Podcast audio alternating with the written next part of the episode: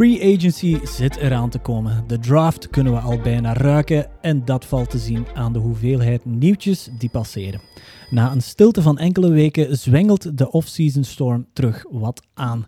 Ondanks meerdere opvallende krantenkoppen deze week staan we stil bij het seizoen van de Pittsburgh Steelers. Welkom in de 40ste aflevering van onze American Football Community Belgium podcast.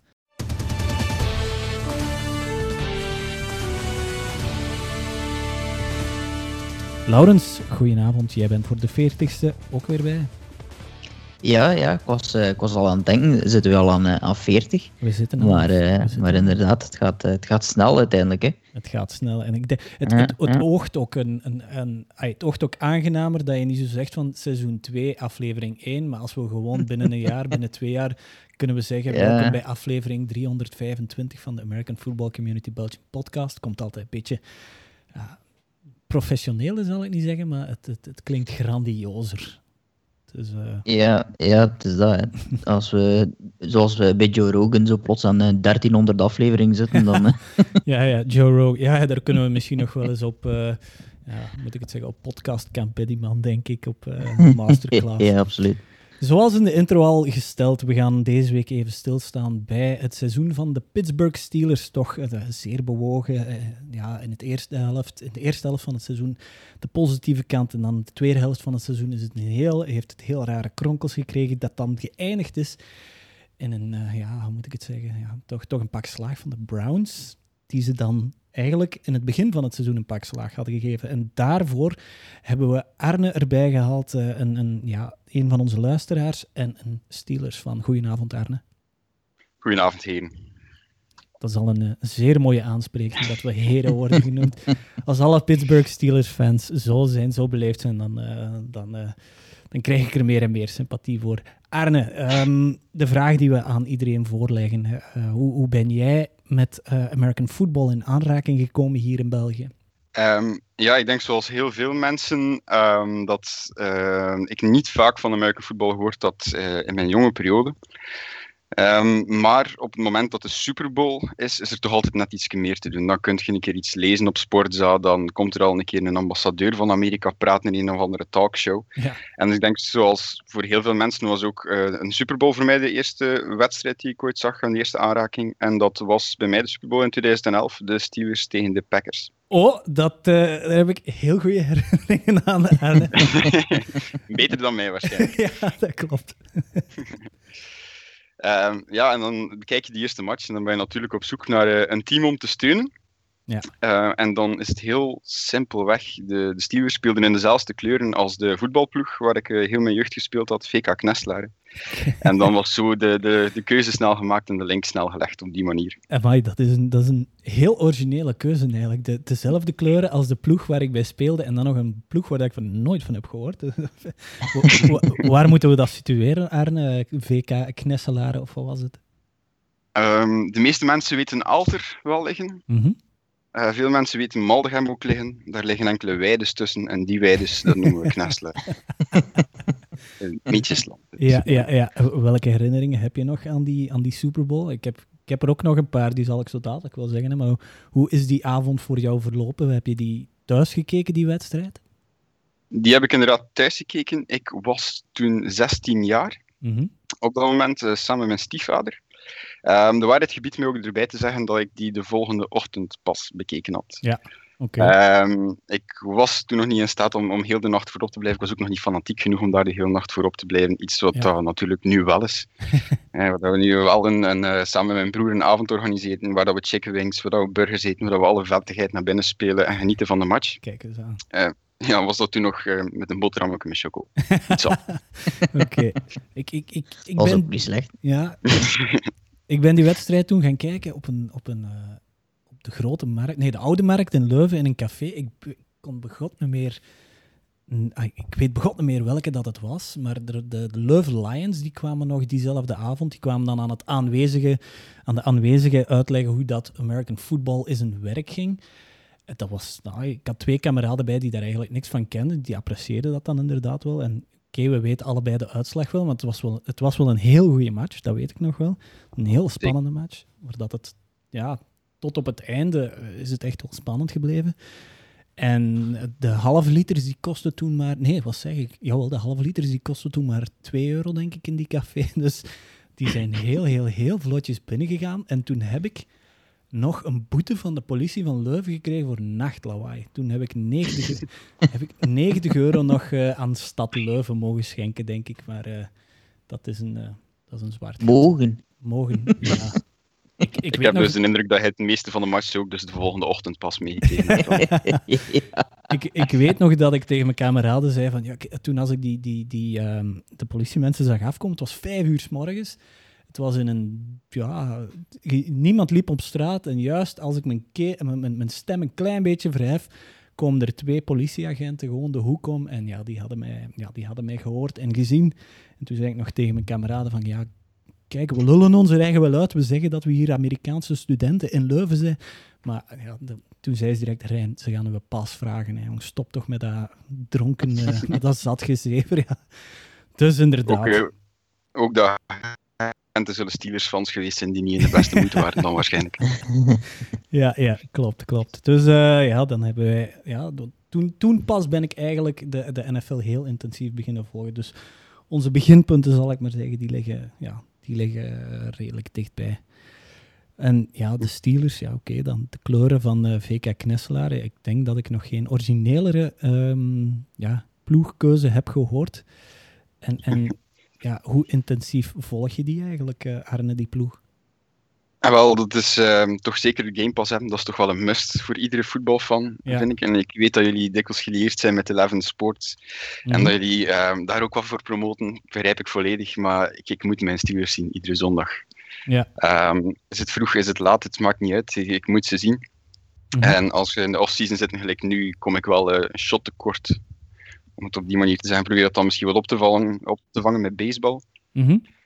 Maar ja, je merkt toch de zondagavond, het is wel rondo, het is niet goed weten wat gedaan. Het is dan maar een keer bij vrienden langs gaan, het is dan bij die vrienden zitten en hopen dat je toch nog iets van voetbal kunt kijken s'avonds. Ju, weer al langs, bij, bij, vrienden langs gaan. Ja, ja inderdaad.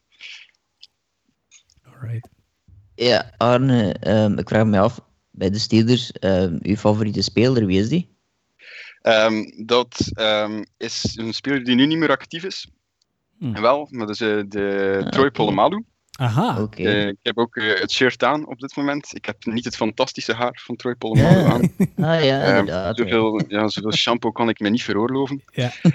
um, en hij was ook de reden waarom dat ik in de tijd bij de Gators, toen, bij de jeugd, toen ik daar receiver speelde, ook daar met 43 speelde. Wat dat wel raar was voor een receiver natuurlijk. Ja, voor een receiver, maar, ja. Ah? Dat trok zich toen zo door. Kijk, kijk, uh, dat hebben we daarnet niet gehoord, denk ik. Uh, je hebt een link met de Gators. Ja, inderdaad. Um, na een tijdje zelf uh, voetbal te volgen, volgen Mhm. heb ik ook mijn broer van kunnen maken. een grote Giants fan. Dus als een Giants aflevering komt, zal ik hem het laten weten dat hij een keer meedoet natuurlijk. Top. Um, en hij is dan uiteindelijk degene geweest die dat dan wat meer opzoekingswerk gedaan heeft. Hij was het voetbal, wat we allemaal wat gespeeld hebben in onze jeugd, zodanig beu. Ja. Hij is daarbij terechtgekomen, een paar trainingen meegedaan en via hem ben ik dan ook uh, bij de jeugd van de Gators beginnen spelen. Maar ik was toen al 17, denk ik, of 18. Mm -hmm. Op dat moment dus veel jeugd zat er niet meer in. En uh, net gedreven genoeg om zelf te spelen, of goed genoeg voor bij de, bij de seniors, ja. was ik dan ook weer niet. Ja, ja. hoe, hoe is die verhouding dan tussen jou en je broer? Dus een Giants-fan en een, en een Steelers-fan. Oké, okay, dat is AFC-NFC, maar er moet toch een klein beetje wrijving zijn, hè? Tuurlijk, als, uh, in 2020 was de eerste match tegen de Giants. Um, nu, ik maakte me daar geen zorgen om. Hè. Giants, we weten allemaal dat dat niet de moeilijkste matchen op het schedule zijn. Um, maar dat wil wel zeggen, als, uh, als we aan het spelen zijn om 7 uur s'avonds, um, is dat de computer naast ons en ondertussen aan het facetimen. Ja. Want mijn broer woont in Brussel. Okay. Facetimen, alles bespreken, iedere play op red zone overlopen. zeggen die zijn goed bezig, oh, die zijn ah, niet goed bezig. Heb je die play gezien? Heb je die tackle gezien?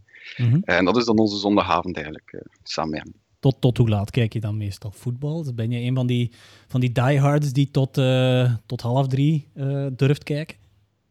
Um, ik heb jammer genoeg vandaag ook gezegd tegen mijn baas dat ik aanwezig zou zijn in deze podcast. Dus uh, ik ga daar tactisch op antwoorden en zeggen dat ik meestal de vroege match kijk tot 10 uur en in slaap val tijdens de, de tweede match die om half elf beginnen. Ja, ja oké. Nee, dat is een, een, ja, dat is een antwoord waar dat we allemaal mee kunnen leven, denk ik. Oké.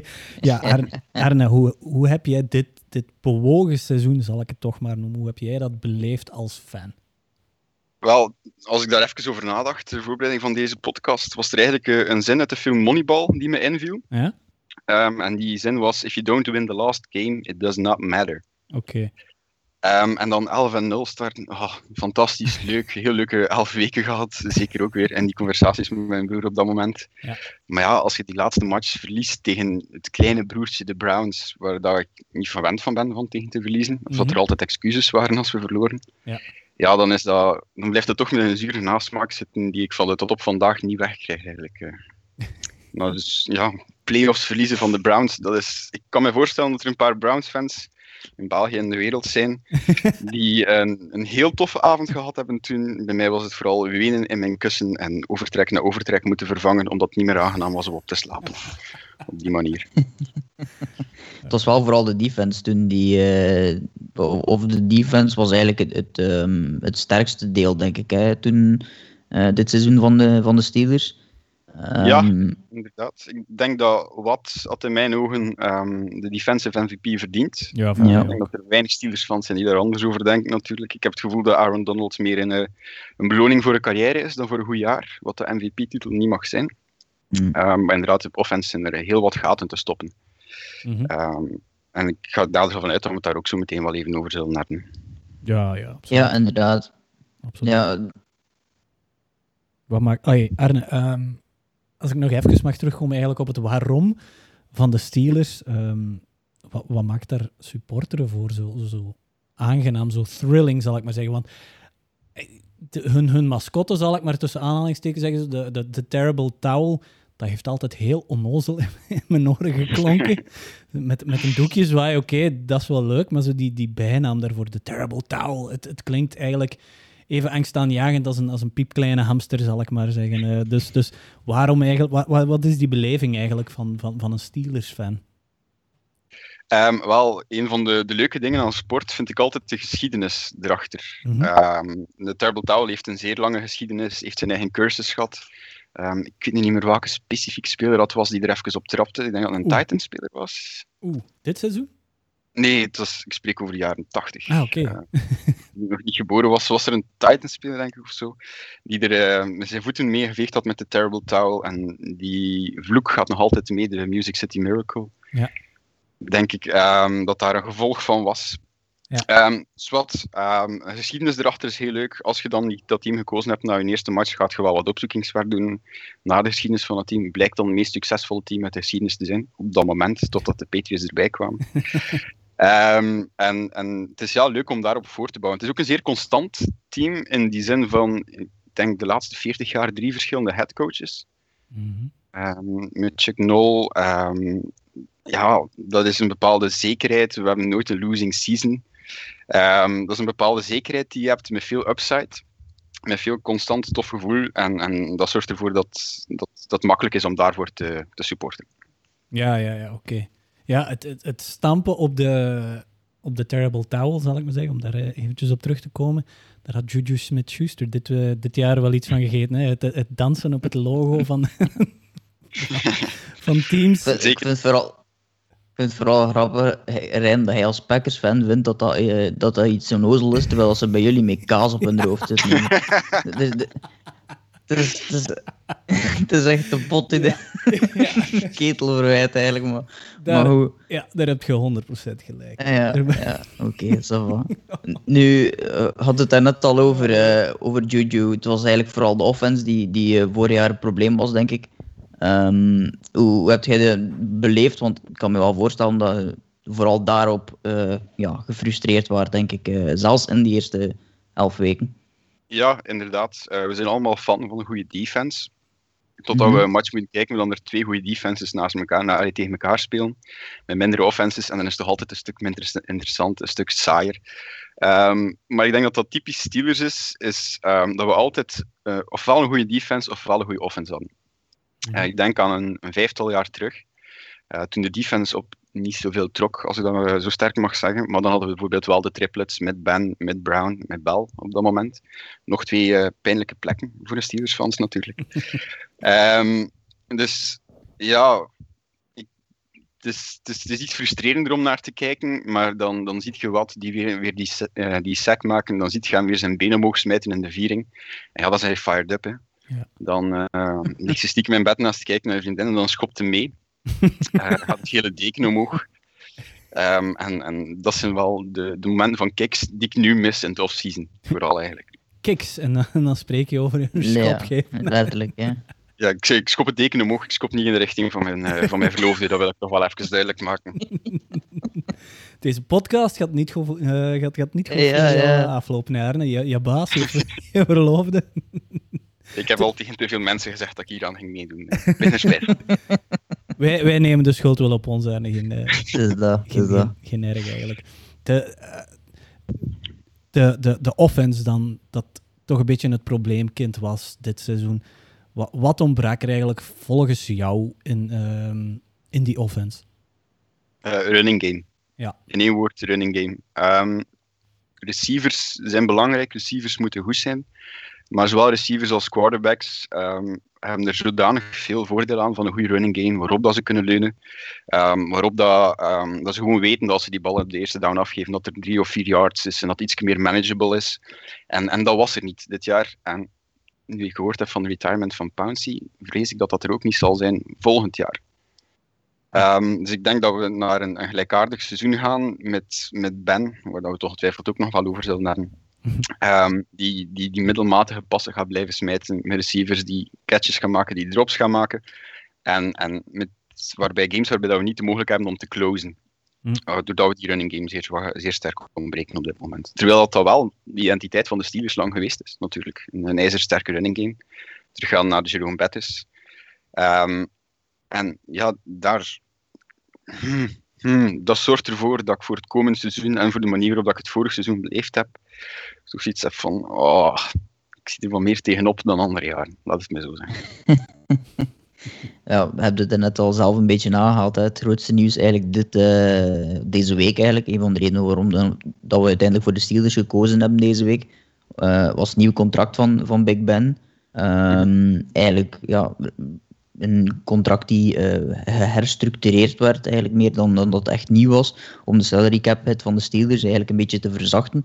Um, ja, wat vind je van die terugkeer van, van Big Ben?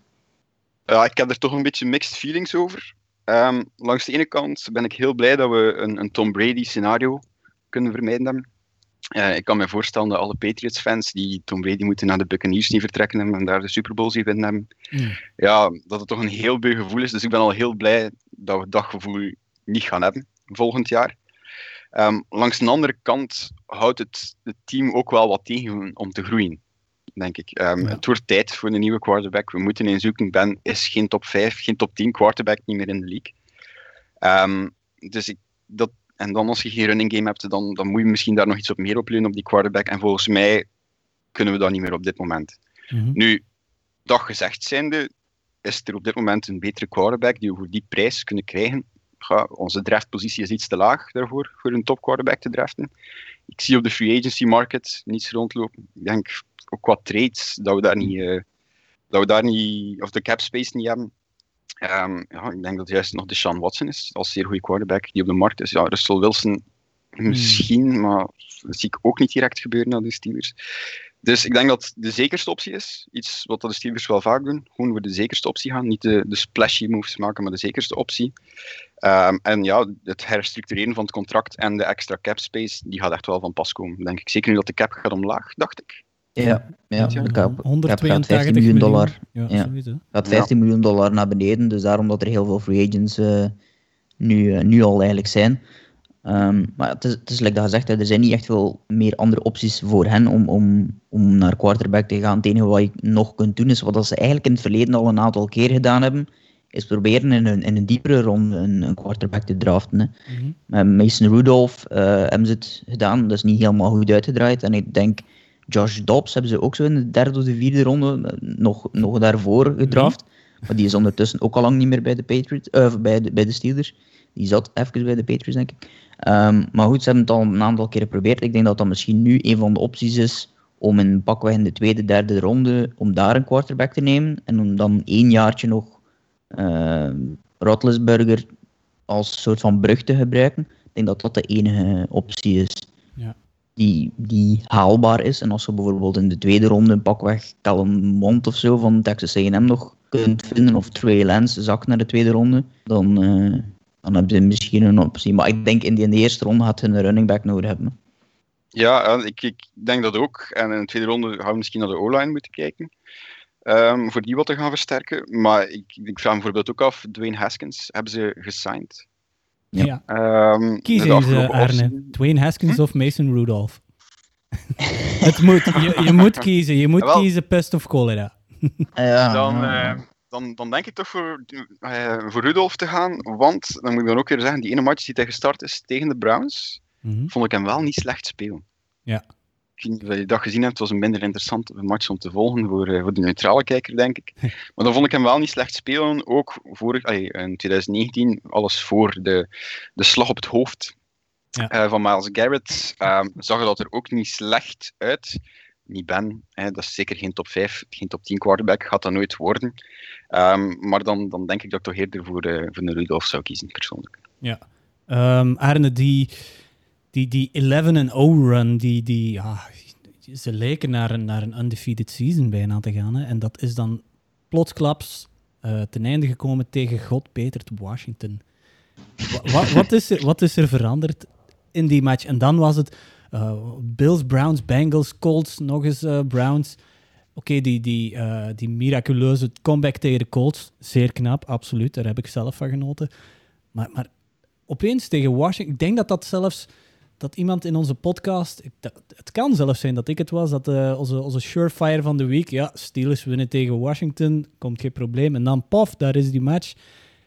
En ik denk dat heel veel monden zijn opengevallen toen. En, en dan is die sneeuwbal gewoon maar beginnen groeien. Wat is er in die match gebeurd? Waar is die klik gebeurd? Ik denk dat er onder de Steelers-fans niet zoveel monden zijn opengevallen op dat moment. Mhm. Ehm, ik merkte ook op, op de subreddits en op alle fora waar ik, eh, waar ik het probeer te volgen, is dat we dat, dat we dat eigenlijk al een klein beetje zagen aankomen, omdat het typisch Steelers is om ehm, fantastisch te spelen tegen fantastische tegenstanders. En dan een, een ploeg die nog quasi niet gewonnen heeft dat jaar, vandaar dan de boot in te gaan. Ja. Ehm, buiten de Browns, waar we altijd al de grote broer van geweest zijn. Dat is een uitzondering op die regel. Maar voor de rest heb ik meer stress voor een match tegen, ehm, tegen een, een ploeg met een, een losing record dan een winning record. Omdat ik weet dat we ons niveau altijd aanpassen aan, Ja. die, aan die verliezende ploeg. Ehm, nu was het daar voor de rest verkeerd gegaan. Die 11 en 0, laten we eerlijk zijn, we waren boven ons gewicht aan het slaan op dat moment. Ja. Wij waren niet goed genoeg om, om 11 en 0 te staan. Ehm ja, als 8 en 3 zou ik nog gevleid gevonden hebben, als ik daar heel eerlijk in mag zijn. Mhm. Ehm, dus we wisten dat het een keer moest komen en een keer dat die goede flow wat weg was, ehm, ja, denk ik dat er ook wel wat twijfel in dat team sloop. Omdat dat echt wel, ik had het gevoel dat het team echt wel dacht van undefeated te gaan. Mhm.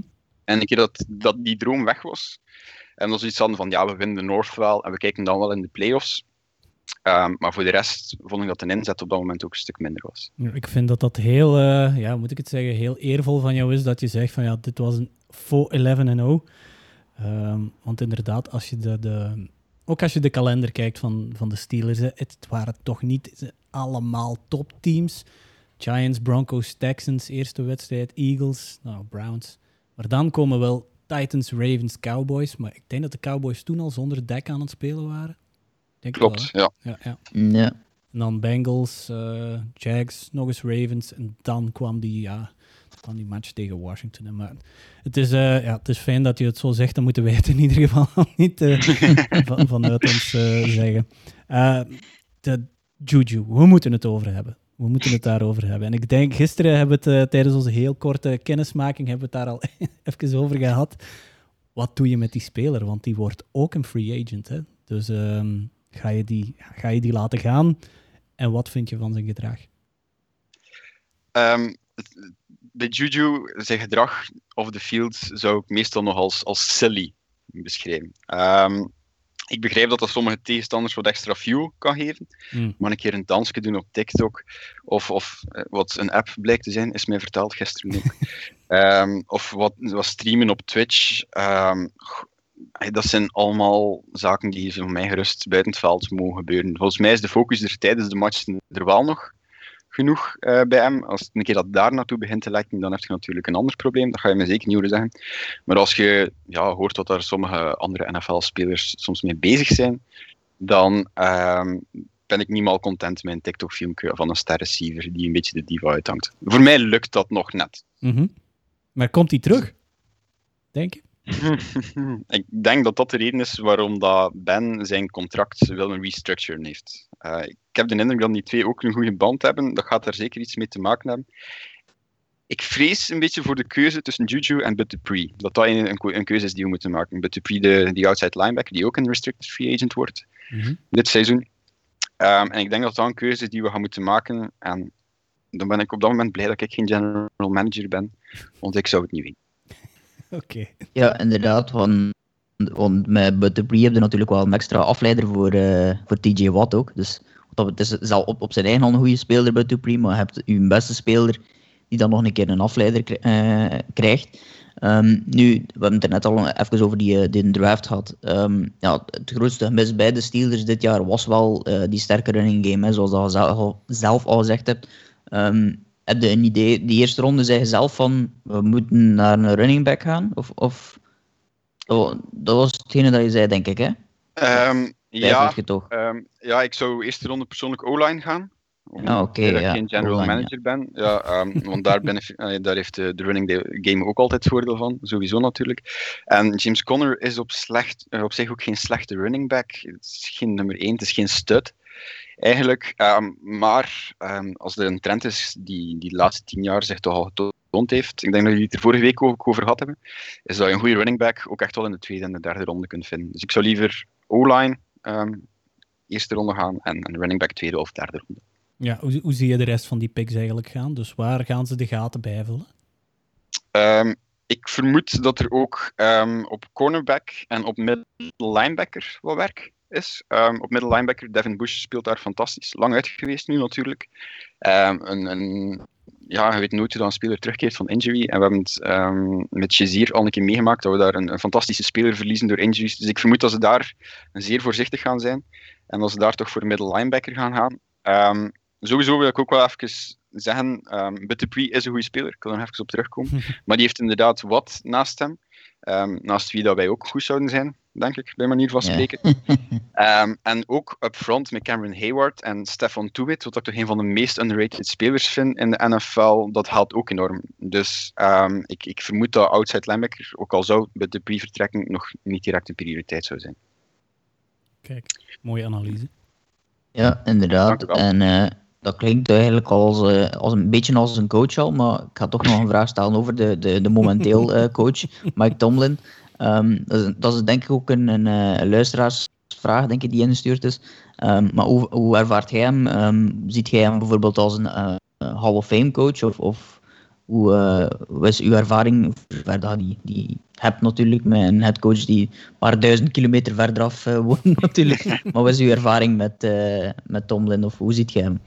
Um, voor mij komt hij in de Hall of Fame alleen al voor die ene game waarin de Steelers tegen de Ravens spelen en dat er een kick-off return touchdown aan zit te komen van de Ravens en Tomlin op het veld blijkt te lopen en de Ravens-speler moet uitwijken en daardoor de, de touchdown verliest. alleen al daarvoor komt hij in de Hall of Fame.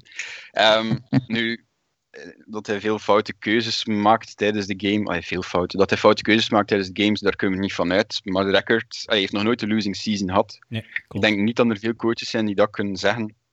Uh, dus de cijfers spreken voor zich op dat punt, vind ik.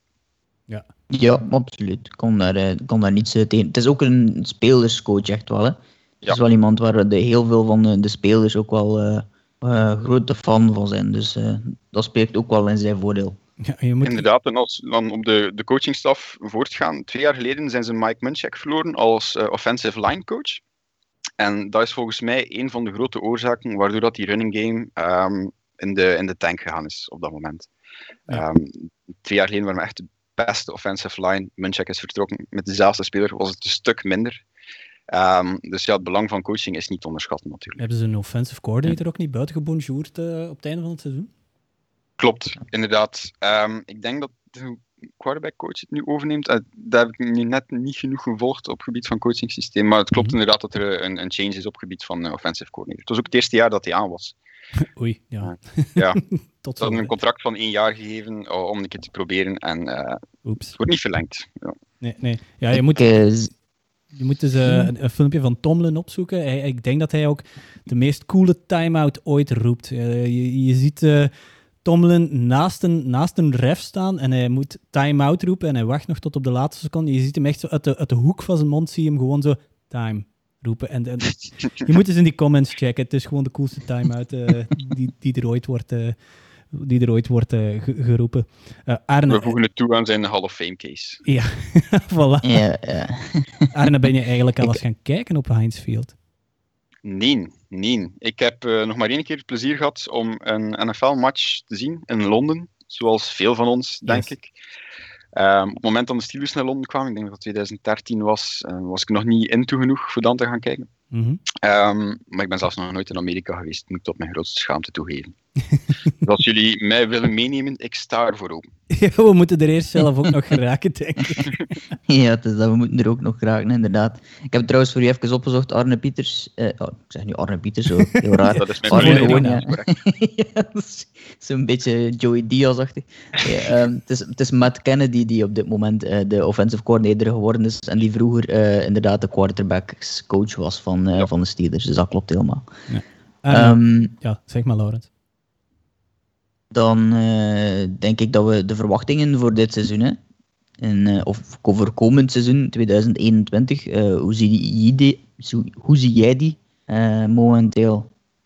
Um, ik verwacht eigenlijk hetzelfde als het seizoen dat, uh, dat we het afgelopen tijd gehad hebben. Geen 11-0 start, maar ik vermoed inderdaad een, een team dat playoffs haalt, daarna één match uit ligt.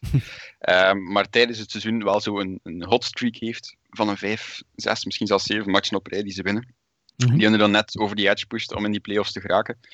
Um, waarna dat we wie, uh, de Engelse uitspraak we crap the bed op dat moment. Um, maar ik, niets liever dan dat, je, dan dat ze met dit het jaar het tegendeel bewijzen. Eigenlijk. Het realisme van een Steelers van dat uh, ja. klinkt, klinkt mooi. Arne, heb, heb jij nog iets toe te voegen? Wil jij nog iets uh, aan, aan, het, aan het luisterend publiek over jouw Steelers of over American football in het algemeen kwijt aan, aan hen? Wel, ik, uh, ik ben niet zo hard thuis in het um, college voetbal gebeuren. Um, dus de draft is voor mij ieder jaar een heel grote verrassing. Dus ik had graag de vraag aan jullie gesteld. Als jullie een O-liner moeten draften, uh, center of guard misschien best zelfs. Mhm. Mm -hmm. um, wat zijn enkele prospects die jullie naar kijken? Wie moet ik opzoeken? Van wie moet je tape bekijken eigenlijk? Kijk, dan ga ik direct Dirk erbij halen, want die is erbij gekomen voor, uh, voor het tweede gedeelte van de podcast. Dan kunnen jullie uh, zo dadelijk ideale man. de stok doorgeven. Dirk, antwoord is op de vraag van Arne. Goedenavond. Uh, ben ik erbij? Ja, ik ben Ja, ja, ja. Um, ja, ja, het probleem is een beetje bij de, de Steelers. Ze zitten in, in, een, in een, een draftpositie die is een beetje nog vis, nog vlees is. Uh, dit jaar. Dus ik, ik, ik geloof dat ze ergens rond positie 20 24. Uh, pikken. 24. Ja, kijk. Uh, en, en, daar valt het al een beetje. Daar, er, is, er is een heel grote top naar O-line dit jaar. Dat zijn eigenlijk twee mannen. Dat is Penay Sewell van Oregon en dan Rashawn Slater. Uh, die oh, moet liegen van Northwestern komt, denk ik. Uh, maar daarna is er een, ja. inderdaad, kijk, is er een, is een vrij grote drop-off. En, en voorlopig in mijn mock drafts ben ik er toch nog van uitgegaan dat de Steelers eigenlijk voor, voor een running back zouden gaan, om, om, om, omdat dat zo precies toch een beetje de, de one piece away mij leek van, van toch meer succes te hebben om, om een beetje af te leiden van die passing game. Uh, natuurlijk, O-line is, is super belangrijk, maar ik, ik had tot nu toe enkel uh, gekeken naar gaan ze oftewel een G. Harris pakken van Alabama, uh, dus een, een running back, oftewel um, wie was die andere dat ik er nog... Ja, ik zou Javonte Williams, Williams. niet uit het oog verliezen. Die wordt nu al bowlingball genoemd. um, omdat die echt, ja, kegelt, let mensen maar dat, ja, dat is natuurlijk niet echt... Uh, hoe zal ik het zeggen? Ja, dat, dat hou je geen jaren vol als je zo'n running back speelt. Dan kan je misschien beter die Najee Harris... Um, oftewel, ja, die, die Najee Harris die kan ook ballen vangen uit uit de backfield. Dat is misschien ook beter. Um, dus ja, een van die twee, denk ik dat dat misschien wel zou kunnen worden. Of Travis Etienne van, van Clemson. Uh, guards, ja, die, die worden meestal wel wat later gepikt eigenlijk. De, de, posities op de O-line die eerst vallen zijn echte tackles. Cards worden meestal een paar ronden later pas gekozen. Dus um, ja, ik, schalt nog, ik ben mijn mock drafts nog een beetje aan het uitwerken. Ik, ik weet niet dat ik ga afwijken van die, die, van die, die running back, maar ik wil wel eens kijken nog welke, welke tackles of guards dat er nog beschikbaar zullen zijn. Er zijn er hoor, maar het is, het is niet zo dat je volgens mij op top 24, nog, uh, op plek 24 nog een tier 1 uh, het zal zeker een tier 2 uh, linesman zijn dat je kan pikken. Maar ik moet het nog verder opzoeken. Kijk. Ja, en als er, het kan natuurlijk ook zijn dat ze beslissen om in free agency ofwel uh, Aaron Jones of Chris Carson, alhoewel dat die alle twee een dik contract zullen vragen. Maar die zijn, ja. dat zijn twee free agents, dus misschien op uh, free agency gaan, uh, gaan zoeken naar een running back, maar waarschijnlijk ja. ook, ook omdat dat te duur zal zijn. De Steelers zitten nu ook niet echt super goed qua, ja, qua cap space. Het valt nog wel mee. Ja. 7 miljoen. Maar al ja, Gurley. Ja, inderdaad. uh, Todd Gurley, ja, nee, die heeft gedaan Ja. spelen, volgens mij. Dus, uh, ben, gewoon ik- de free, ben gewoon de free agent running backs aan het afdoen. Nu Duke Johnson, James White, dus het is ook niet dat daar eh, echt super, eh, super dik zit. Nee, nee. Ja, daarom, ik, ik zou... Maar ja, je kan inderdaad in ronde 2 nog wel waarschijnlijk ook nog een running back kiezen. Uh, maar het, het is een min- minder diepe klas dan vorig jaar. En uh, vorig jaar ook kon je er nog een DeAndre Swift en dergelijke oppikken. Dit jaar is het heel wat minder en zijn het vooral goede wide receivers uh, die een diepe klas eigenlijk hebben. Kijk, Arne, kunnen we daar jou tevreden mee stellen met die uh, analyse? Ik ben voldaan.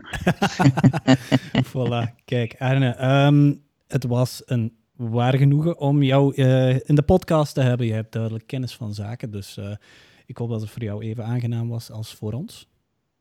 Zeker. Uh, ik hoop dat je me nog een keer terugvraagt. voilà.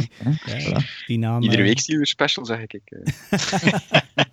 ja, ja, ja, we zullen het noteren. Arne, um, bedankt en ja, waarschijnlijk tot een volgende keer. Hè. Ja. Hartelijk bedankt, man. Succes nog. Yo. Ciao. Goed, dan kunnen we direct overgaan. Ja, Dirk was er normaal gezien, het was gepland om die er nu bij te trekken, maar omwille van Arnes een vraag is dat redelijk vlekkeloos gegaan. En um, ja. dan kunnen we verder over het verdere nieuws in de NFL. En ik denk toch dat we daar eerst naar de, um, naar de franchise tags moeten gaan kijken. Um, maar dan moeten we nog eens terugkomen, denk ik, voor, voor sommige van de luisteraars en, en ja, de details van, het, uh, van de term uh, franchise tag. Dirk. Ja, vorig jaar was dat voor ons nog een beetje een, een, onbekend, een onbekender gegeven nog wel. Maar een franchise tag is eigenlijk een speler die je voor een jaar aan jouw team wil binden. Uh, en daar heeft hij dan eigenlijk vrij weinig aan te zeggen, die speler zelf. Wat is dan het voordeel voor die speler? Die krijgt een, een vast salaris. Uh, dus, dus ja, dat is volledig guaranteed alles. Uh, of dat hij nu het hele seizoen speelt uh, of eigenlijk uitvalt, zoals dat bijvoorbeeld Dak Prescott vorig jaar uh, gebeurd is. En wel, welk salaris krijgt hij dan? Zij krijgen het, uh, het gemiddelde van de top 5 van de salarissen van die positie. dus dat is eigenlijk ja, een, deftig, een deftig loon, toch wel, mm-hmm. dat zij krijgen. Want het zijn vaak heel vaak rookies die, die uit nog een rookie-contract komen, waarbij ze amper één of enkele miljoenen misschien per jaar ja, amper. uh, naar NFL-termen is dat klein geld. Uh, verdienen, maar bijvoorbeeld op de wide receiver positie is dat dit jaar uh, 18 miljoen dat je plots gaat krijgen als je onder de tag speelt. Dus dat is zeker niet slecht. Het nadeel is, die speler heeft dan maar een voor één jaar eigenlijk garantie op dat contract. En de meesten hebben toch liever dat ze een contract uitgesmeerd over meerdere jaren hebben, want ja, niks zegt zeker in de NFL. Um, dus niet iedereen is altijd even blij met die franchise tag, want vaak is het ook nog een uitstel van dat ze nog een deal aan het onderhandelen zijn en dat het team op die manier eigenlijk wil vermijden dat de speler een free agent wordt en dus eigenlijk op de markt gaan. Kan. Ja, en er zijn ook de um, opties op die, die franchise tag. Er zijn meerdere ja. uh, opties. Je hebt niet alleen de gewone franchise tag zoals dat de meeste mensen dat kennen. Dat is eigenlijk de non-exclusive franchise tag. En je hebt ook een exclusive franchise tag. De exclusive tag die heeft bijvoorbeeld um, uh, Dak Prescott ge gekregen. Maar bijvoorbeeld dus de gewone franchise tag die de meeste mensen kennen. Dat inderdaad over dat één jaar top 5 uh, salaris. Maar die uh, exclusive franchise tag, dat gaat over uh, het huidige jaar. Hè. Bij de, de, de gewone franchise tag is um, dus de salarissen van, van de top 5 van de laatste, de laatste Ehm, vijf jaar. van de laatste vijf jaar. Bij de exclusive tag is het van het huidige jaar. Dat ervoor zorgt dat heel vaak eh, de exclusive tag een, een, een tag is die iets duurder is. Ehm, en zorgt er ook voor dat je eigenlijk niet mocht eh, converseren met andere teams. Eh, en dat is eigenlijk hetgene wat ze bij Dak Prescott bijvoorbeeld gedaan hebben. Want de grote reden waarom dat ze bijvoorbeeld die franchise tags, eh, die exclusive franchise tags gebruiken bij een gewone franchise tag, ehm, stel dat je ehm, je speler mag dan onderhandelen met een ander team, maar van zodra dat hij met dat andere team een, een, ehm, eh, beslist om daar een contract te tekenen, wat vooral duid- duidelijkheid zou mogen, dan zit hij in een situatie waarin dat het team dat dat aanbod eh, neemt, hè, de, de, die dat aanbod eh, gegeven heeft aan die speler die een franchise tag heeft van een ander team, Mhm. moet aan dat andere team ook nog eens twee first round picks geven. Maar natuurlijk, als je bijvoorbeeld ehm Dak Prescott zijt en je tekent een contract dat een non-exclusive franchise tag is, dan gaan er heel veel teams zeggen, ja, maar wij vinden dat niet erg om twee first round picks te geven voor Dak Prescott. Dus daarom heeft hij bijvoorbeeld een franchise, exclusive franchise tag gekregen, waardoor dat hij niet mag onderhandelen met een ander team, maar wel een hoger eh, loon gekregen heeft. Door het feit dat dat over dit jaar gaat. De lonen stijgen elk jaar. Dus daar zit er ook nog zo'n verschil. En dan heb je ook nog een transition tag, dat is nog iets anders. Dus er zitten zo allerlei lagen nog in dat hele, in dat hele franchise tag verhaal. Maar het is inderdaad wel, eh, wel een manier om, eh, om een speler bij u te houden die je ja, op lange ter- termijn niet helemaal zeker van bent misschien. Ehm, maar inderdaad, de spelers zijn er niet zo zot van. Ja, en, en ook, ja, het is ook een, een optie van een team. Ze, doen ook soms de tag and trade. Dus dan zijn ze nog een beetje aan het wachten van, oké, ze geven die speler, ze laten die nog niet op free agent gaan, maar ze gaan eens kijken van, ja, we binden hem nu aan ons, maar we zoeken nog wel een team om hem te treden, want als hij eenmaal free agent is, ja, dan is er geen compensatie natuurlijk meer mogelijk. Eh, dus dat is ook nog een optie, want die twee first round picks heb ik toch al een tijdje niet meer zien gebeuren Nee. dat dat effectief gegeven wordt. Ehm, en ja, het is inderdaad zo, niet iedereen is er even gelukkig mee, maar eh, voor sommigen is het wel ja, toch een mooie payday. Ja, Ja, ja voor, de QB is het bijvoorbeeld, eh, wat is het hier? Eh, rond de 26 miljoen, of ligt het hoger? Eh daarnet de wide receivers, dat lag op 18, eh, op 18 miljoen ergens. Hè? Ja, ergens in die buurt, eh, het Ja. is 16 of 18 miljoen ergens. In, in, in- Ja, de quarterbacks zijn op dit moment niet vastgesteld, denk ik, omdat er geen enkele quarterback eigenlijk in principe eh, zo'n contract gekregen heeft. Ja. Alhoewel dat Dak Prescott eigenlijk officieel ehm, wel degelijk een, een, Ja, een franchise tag gekregen heeft, maar heeft daarna een contract getekend. Dus. Hij- Heeft, hij- heeft hij het al getekend? Want hij heeft, hij heeft een tag gekregen, maar hij heeft dat voorstel, dacht ik, eh, gekregen van, van, van dat contract. Ik weet Nee, niet dat het al... De deal is rond. Is, hè? is het rond? Ja, hij heeft, hij heeft sowieso ook de, een tag gekregen. Maar ik denk Ja. dat dat te maken heeft met. Ja, ik weet niet 100% waarom, eh, waarom dat ze dat doen, maar ik denk dat dat te maken heeft met het feit dat ze dan met een cap hit zitten die minder is dan, Ja. eh, dan daarna. Ja, ik, ik hoor ook, ze hebben Dak Prescott toch nog de tag gegeven, Ja. pro, for- pro forma eigenlijk, om, uit het eigenlijk op vraag van Dak Prescott waarschijnlijk zelf, om het dan te vermijden dat het ooit nog een derde keer in zijn carrière zal voorkomen. Juist, ja. want, want dan inderdaad. moeten ze echt wel een, een vijftigtal miljoen op tafel gaan leggen als je voor een derde keer getagd wordt, wat eigenlijk bij mijn weten zelfs nog nooit gebeurd is. Maar... Ja. Ja, dat is inderdaad waarschijnlijk de reden, inderdaad. Zijn er nog opvallende ehm, spelers die, die de tag hebben gekregen? Ik denk eh, Chris, eh, Chris Godwin van de Tampa Bay Ja. Buccaneers. Die heeft de tag Ja, ik heb de lijst hier voor mij. Ja, Ehm, Chris dus ja, Godwin inderdaad, ja. Ik denk dat Oh. de belangrijkste naam. ja, dat was inderdaad een beetje de, de, een, een soort keuze nog tussen hem en ehm Shaquille Barrett, denk ik vooral. Mhm. Maar ja, blijkbaar toch uiteindelijk gekozen voor de receiver bij de Tampa Bay Buccaneers. Maar bijvoorbeeld ehm, Marcus May, safety van de Jets, eigenlijk een van de weinige uitblinkers van de Jets vorig jaar. Ehm, maar daar, daar staat bijvoorbeeld ook Taylor Moton, tackle bij de Carolina Panthers, bij. Die kende ik ook niet super goed. Maar Allen ehm, Robinson, wide receiver bij de Chicago Bears, Ja. die is ook wel nog bekend. Ja, Let op. Robinson is echt niet tevreden hè, met die Nee, nee, nee, nee, nee, nee, nee, nee. Want die, een van de, ik denk dat hij een paar tweets had gelost. Eentje ehm, was van eh, Kenny Golladay is a lucky man. dus Kenny Mm. Golladay, by the way, heeft niet, Free agent. Eh, heeft niet ja. de tag gekregen. En eh, ik denk ook nog één keer de franchise tag sucks. Dus het was redelijk, eh, Ja, klopt. ja, redelijk duidelijk dat, Ja, hij, denk- niet tevreden is. Maar ze willen hem misschien dan nog traden eh, in dat geval. Maar, eh, want voor hetzelfde geld doet hij aan een holdout. Hij zegt, ja, ik wil niet meer in Chicago spelen. Ik zie het nog gebeuren. Eh, zeker als die, die QB-situatie niet opgelost is daar. Dat hij gewoon zegt, voert. En dat ze hem dan toch nog moeten traden. Ja, inderdaad. En Justin Simmons, free safety van Denver Broncos, die heeft het eigenlijk voor de tweede keer op rij eh, al gekregen. Maar daar zijn ze blijkbaar nog altijd aan het werken aan een, eh, aan een lange termijn deal. En Leonard Williams, ehm, defensive lineman van de New York Giants. En Ja. Marcus Williams, dat was eigenlijk de grootste verrassing, vond ik persoonlijk. Marcus Williams, die safety van eh, de New Orleans Saints, die, eh, die hebben ze ook getagd. Dat was een redelijke verrassing voor mij dat die daartussen stond. Dat was niet echt de bedoeling, denk ik. Of niet echt verwacht dat die daar ging tussen staan. Ehm, bijvoorbeeld jullie Packers, eh, die hebben Aaron Jones niet getagd. Nee, nee. Eh, Ja, dus die is ook denk- gewoon free agent.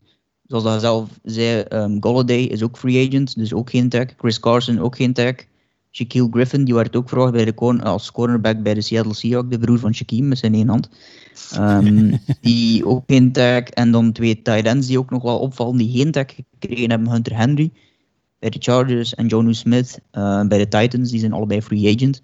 Ehm, Dus dat ze waren kandidaten voor de tags, maar hebben die uiteindelijk eh, niet gekregen. Bij mij is er nog één naam die, die mij opviel bij de, eh, bij, ta- bij de tag players, zal ik maar zeggen. Dat is Cam Robinson, een tackle van de Jacksonville Ja, Jaguars. ja. Voor mij ook redelijk onbekend. En zelfs als je de stats bekijkt, niet bepaald een held op die positie. Eh, wel een beetje boven gemiddeld, maar zeker geen, geen All-Pro of, of, of Pro Bowl eh, kaliber van speler. En eh, dus ja, Jags, Jacksonville Jags gonna jag, denk ik dan maar weer. Want ze geven dus Oeps. met die franchise tag toch 13,7 miljoen van een ja, heel ruime cap space dan toch nog, maar toch alweer weg aan, aan een, een offensive tackle. Oké, misschien dat ze denken van dat ze voor de rest niemand meer gaan vinden op die positie. Maar eh, met het geld dat eh, de Jaguars hebben, zou ik toch richting eh, bijvoorbeeld die Trent Williams of, of andere eh goede free agents kijken. Ja, 77 die heeft inderdaad ook, eh, die is ook free agent inderdaad. Dat is de nummer 1 free agent, misschien wel eh, Trent Williams op dit moment. Ja, ik denk inderdaad, als we gaan kijken wie dat er geen tag gekregen heeft en wie dat er nog op de, de naam, op de lijst staat eigenlijk, dan zijn het vooral wide receivers die opvallen. Kenny Golladay, dus geen tag gekregen. Will Fuller. eh, Juju hebben we het daar net al over gehad. Volgens mij gaat hij eh, ook de markt op en gaat hij niet in Pittsburgh blijven. En dan Aaron Jones, inderdaad. eh, de Packers hebben ervoor gekozen. Dat is dan weer het nadeel van, van running back te zijn. 26 jaar. En krijgt dus na eigenlijk een ja, hele goede carrière bij de Packers gewoon geen nieuw contract. Of ze zouden nog een deal moeten uitwerken, maar ook de Packers zitten in cap space hell, dus ik zie het niet gebeuren. En dan gaan ze dan met, eh, met Williams dan maar verder. Hm. Ehm, maar er zijn ook ja, een heel deel slachtoffers nu echt van die beperkte cap space aan het vallen. Hè. Het gaat, eh, we zijn nu vandaag woensdag. Ik zit eh, Ian Rappaport en Adam Schefter te volgen op, op, op Twitter. En het is echt een, stilaan al een bloedbad aan het worden. En het kan alleen maar erger worden. Eh, vooral in, in Los Angeles en in New Orleans. Ja, ja ik meen, Ja, Sanders in heeft, Orleans eh, zeker. heeft, heeft eh, het bijltje gekregen, hè? Wie? Emmanuel Sanders. Ja. Emmanuel Sanders, eh, bij, de, bij de Saints zijn er al een paar slachtoffers gevallen. Ja, gewoon Alexander ook. Kwon Alexander is gekut. Eh, ondertussen zijn de Saints al niet meer de ploeg met het minste cap space. Dat eh, De Rams? hebben, ze door, dat hebben ze doorgegeven aan de Rams. De Saints hebben al van die 60 zijn ze al naar 31 gegaan. Wauw. Ja. Anders kan enorm snel Ja. gaan. Ze hebben ook al een heel, vol, een heel hoop volk gerestructured. Eh, dus dat wil zeggen dat ze een contract wat zitten heronderhandelen. En wat gebeurt er dan meestal? Ze spreiden de signing bonus verder uit over meerdere seizoenen. En ze schuiven de schuld eigenlijk weer voor zich uit. Maar ze hebben nog altijd 30 miljoen eigenlijk in te halen. En ja, ik weet niet waar dat nog kan, maar Michael Thomas zal volgens mij ook een deel van zijn contract moeten afgeven. Tron Armstead en dan de grootste contractuele blunder toch wel voor mij van de laatste jaren, Taysom Hill. Die eh, eigenlijk een cap hit nu heeft van 16 miljoen dollar. Oeps. Eh, ja, die moet volgens mij ook nog wel inleveren. Eh, en dat zou volgens mij niet meer als terecht zijn. Ja. Maar het, het, het, het worden toch zware dagen. Want als je dan kijkt, je gaat dan over die rosters van, van de Rams, van de Falcons, van de, de Saints. je ziet het gewoon niet meer gebeuren waar ze dat, dat geld nog gaan vinden. En ze moeten echt goede stukken gaan, gaan cutten. De Saints hebben bijvoorbeeld ook van een, gewoon een punter afscheid genomen. Thomas Morstead, 12 jaar. Dat was een van de betere punters nog van de league, maar gewoon omwille van, van geldissues uh, gaan ze die nu maar cutten. Oké, het is niet meer van de jongste, maar het is een punter toch ook niet onbelangrijk. Als je die zelfs al moet weggooien, en de Falcons gaan volgens mij hetzelfde voor hebben met hun, met hun, met hun steengoeie kikker. Uh, Young Wei Koo. Young Wei Koo, die wordt, die wordt free agent. Zuid-Koreaan, ja. ja. Ja, het, is eigenlijk te gek, want dat is volgens mij ja, toch de up-and-coming. Die zal binnen een paar jaar misschien de beste kicker van, van de league zijn. En ze kunnen die gewoon geen nieuw contract geven, omdat die, of ze willen het nog niet, of nog niet, omdat, die, omdat ze gewoon geen cap space hebben. En, en die is vandaag trouwens vastgelegd op 182,5 miljoen ja, ja. Ik ging inderdaad zeggen, misschien, uh, misschien moeten we het nog even uh, snel uitleggen inderdaad, hoe dat komt dat er nu zoveel uh, problemen zijn met die, die, die salary cap. Ik moet net aan toevoegen, um, bij de Raiders bijvoorbeeld, waar ik dan van ben, op een week tijd zijn die van um, op de top 10 naar het, het meeste boven de cap, naar de top 10 in het meeste onder de cap gegaan. Oei. Dus in principe in een aantal goede moves te maken. Dus te zien dat je goed, goed bedoelt natuurlijk, want het zijn heel vaak contracten die ja, domme contracten uiteindelijk, zeker bij de Raiders waren het allemaal domme contracten die ze gegeven hebben. Want het kan dus wel degelijk snel gaan als je er een aantal van tussen haalt, eh, via trades, via jongens die je eh, uiteindelijk laat gaan. Dus het kan wel snel gaan, maar dan nog, eh, zeker bij de Saints en bij de Rams en zo, zal dat echt een, een, uh, ja, inderdaad een bloedbad worden. En het is al een bloedbad geweest. Um, maar ik ging het net zeggen, misschien anders leg ik kort uit hoe dat komt dat het nu. Ja. Uh, of waarom, ja, waarom dan op. Wat blief? Wees vrij. Oh ja. um, maar het, de, de NFL had eigenlijk, vroeg, eigenlijk eerder al um, een, een, bodem gezet op 180 miljoen. Ja. want het is niet zo dat, dat teams verplicht zijn om een minimum te hebben, uh, allez, om een maximum te hebben. Ze hebben ook een minimum dat ze moeten uitgeven. Um, maar uiteindelijk zijn ze dus, ja, het was verwacht tussen de 185 en de 180. Ze zijn eigenlijk ja, los in de midden uitgekomen bij 182,5. Um, maar ja, de, de, reden waarom, ja, die moeten we jullie natuurlijk ook niet uitleggen. Uh, COVID-19, geen uh, teams in, uh, of geen fans, of heel weinig fans in de stadions, een heel seizoen lang. meer safety protocols, dat weet ik nog allemaal. Um, en die 182 miljoen, of 182,5, en de halve is ook belangrijk. Um, die, uh, dat is eigenlijk 15 miljoen minder dan vorig jaar, want toen zat het nog op 198,2 miljoen dollar. Um, dus bijna 200 miljoen, dat is een verschil van 15 miljoen dus. En als je het vergelijkt met 2019, 188,2. Uh, 2018, 177,2. Um, dus met andere woorden, eigenlijk de voorbije jaren, de voorbije zeven jaar eigenlijk, als ik het uh, hier goed voor mij heb, is de, de cap elk jaar gestegen de voorbije zeven jaar aan een stuk gingen de salarissen of de mogelijkheid om mensen een, eh, een dikker contract te geven, zeven jaar aan een stuk omhoog. Uh, en nu gaat plots ja, 15, uh, 15 naar beneden. En zoals dat je net al gehoord hebt dat ik zei, het, gaat, ging elke keer omhoog met ja, 5 of 6 miljoen dollar. Maar nu gaat het plots met 15 naar beneden.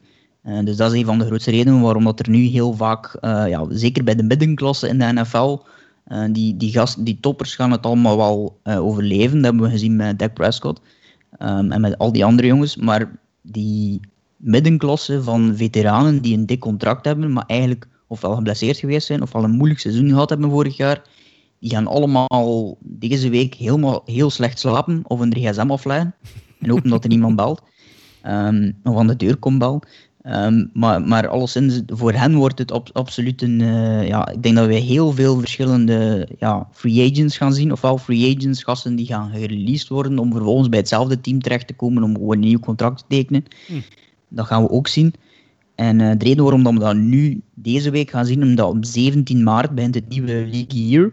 En dan moeten, ze, moeten de teams verplicht onder die salary cap van 182 miljoen dollar zitten.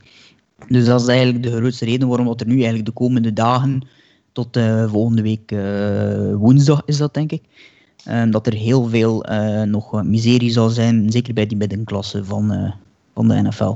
Maar men verwacht wel, als ik het hier zo lees, dat, en, en dat is eigenlijk wel te verwachten bij een, bij een business als de NFL, dat die cap die nu op dit moment naar beneden aan het gaan is, dat dat eigenlijk maar een heel kleine dip gaat zijn en dat dat daarna weer enorm naar omhoog gaat gaan. Ehm, want er is op dit moment ehm, zijn er gesprekken met, uh, met heel veel uh, verschillende televisiestations en streaming services. Want tegenwoordig ja, ook om een nieuwe deal uh, uit te werken. Plus het feit dat ze verwachten dat er ook meer fans in de stand zullen zijn, meer dan ooit verwachten ze blijkbaar door het feit dat er een jaar tussen gezeten heeft waarin dat ze niet mochten komen. Ja. Dus we verwachten eigenlijk dat de cap de volgende jaren eigenlijk gaat exploderen. Wat nu een heel klein beetje naar beneden gegaan is. Dat we eigenlijk de volgende jaren net het omgekeerde gaan zien met, met 15, 20 in, in één keer naar omhoog gaan. gaan omdat het, uh, ja, de tv-deals uh, tot in de miljarden uh, gaan lopen. Ja, als je... hetgeen, hetgeen dat ook, sorry, hetgeen dat er ook gaat bijkomen, blijkbaar, en dat gaat volgens mij een enorme boost geven, zijn dat uh, de NFL ook een, koek, een stukje van de koek gaat krijgen van de gambling, uh, de gokinkomsten.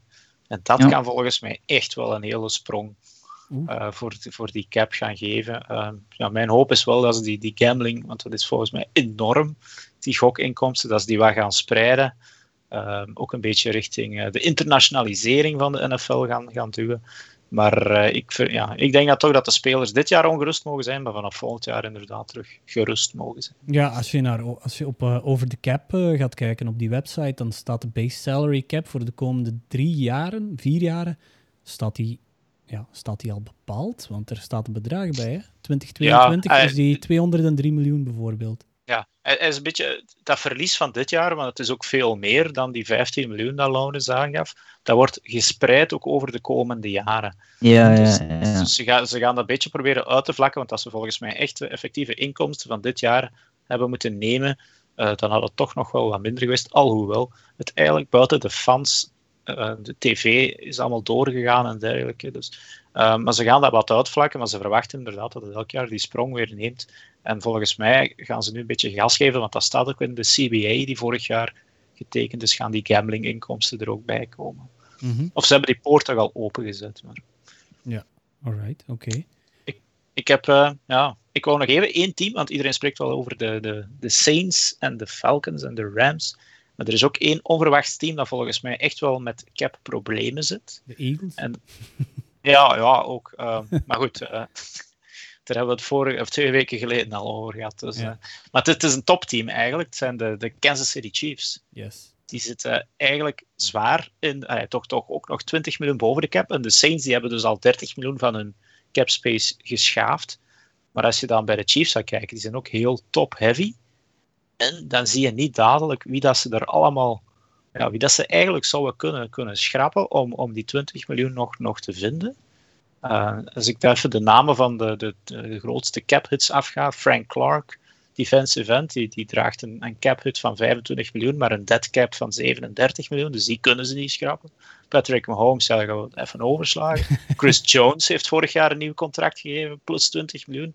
Tyron Matthew, ja, die, is ja, die zouden ze kunnen schrappen en 15 miljoen sparen, maar zou je dat, dat gaan ze niet doen. Um, Tyreek Hill kan je eigenlijk hetzelfde doen, kan je 10 miljoen sparen, maar die ga je ook niet schrappen. Maar dan kom je bij een aantal Travis Kelsey, hetzelfde verhaal. Dan kom ik bij twee namen die ze zouden kunnen schrappen en dan uh, respectievelijk 12 en, en 7 miljoen schrappen. En dat zijn Mitchell Schwartz en Eric Fisher. Wie zijn dat? Dat is de left tackle en de right tackle. Die niet hebben gespeeld. Dat waren ja, nu net die twee mannen die ze zouden Die in kunnen de Super Bowl. die in de Super Bowl gemist werden. Uh, en, en ja, daarna wordt het echt slim pickings, zoals dat ze zeggen. Dan zal waarschijnlijk running back Damian Williams een slachtoffer worden, maar dan besparen ze maar 2 miljoen. Uh, er zal volgens mij... Ja, het was een beetje, beetje vies. Hè. Vorig jaar hebben heel veel mannen bij de, bij de Chiefs een nieuw contract gekregen, terwijl ze toen al in die, die, die COVID zaten.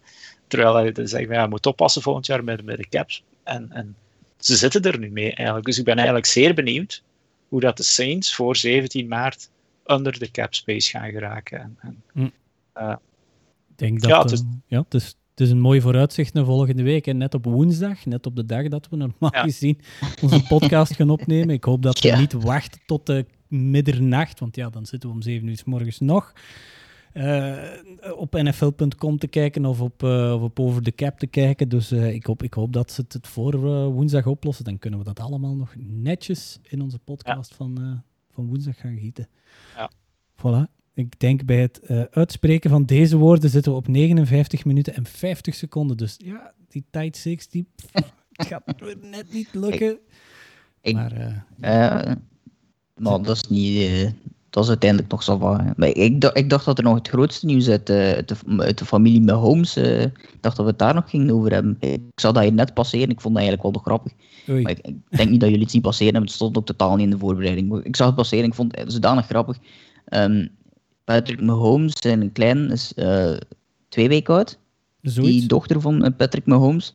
Um, met andere woorden, uh, ze is nu al, um, ze heeft nu al een uh, scholarship gekregen om bij Texas Tech.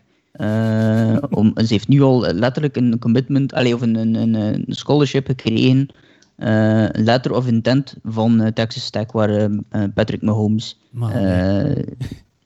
ja, de tuition zal geen probleem zijn in ieder geval. Dus, dus, dus, het maakt niet ja, uit. ja, nee, nee, nee. Het is een, een, letter of intent voor een uh, voetbal scholarship.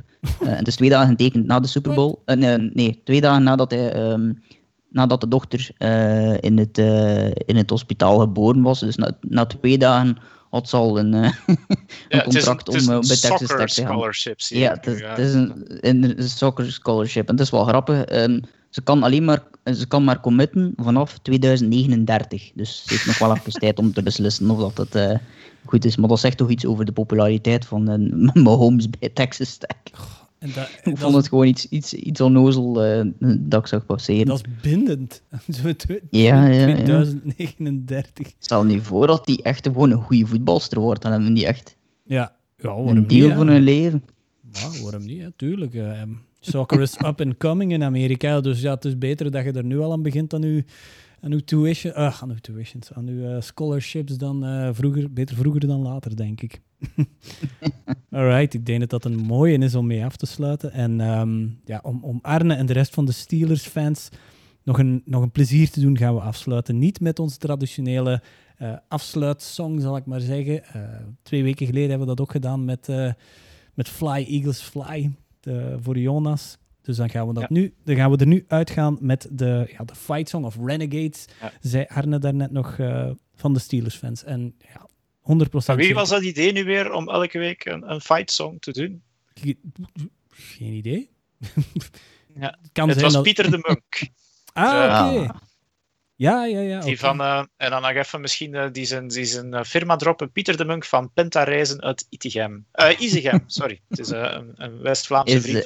Ja. Voilà, dan kun je die. London Games... Isegem, die, wereldstad. Ja, die vliegtuigticketten, die zijn al... of de, de Eurostars, die zijn al geboekt bij deze dan. een, mooie, een mooie, subtiele drop nog op het einde, Dirk. zeer mooi. Maar inderdaad... Dat, uh, dat stond eigenlijk ook nog in de voorbereiding, dus dat ben ik gewoon vergeten. Goed, we gaan er dus uit met uh, Renegades of met de fight song van Steelers, uh, van de Pittsburgh Steelers. Hoe dat je het ook wilt noemen. En in ieder geval 100% zeker tot volgende week.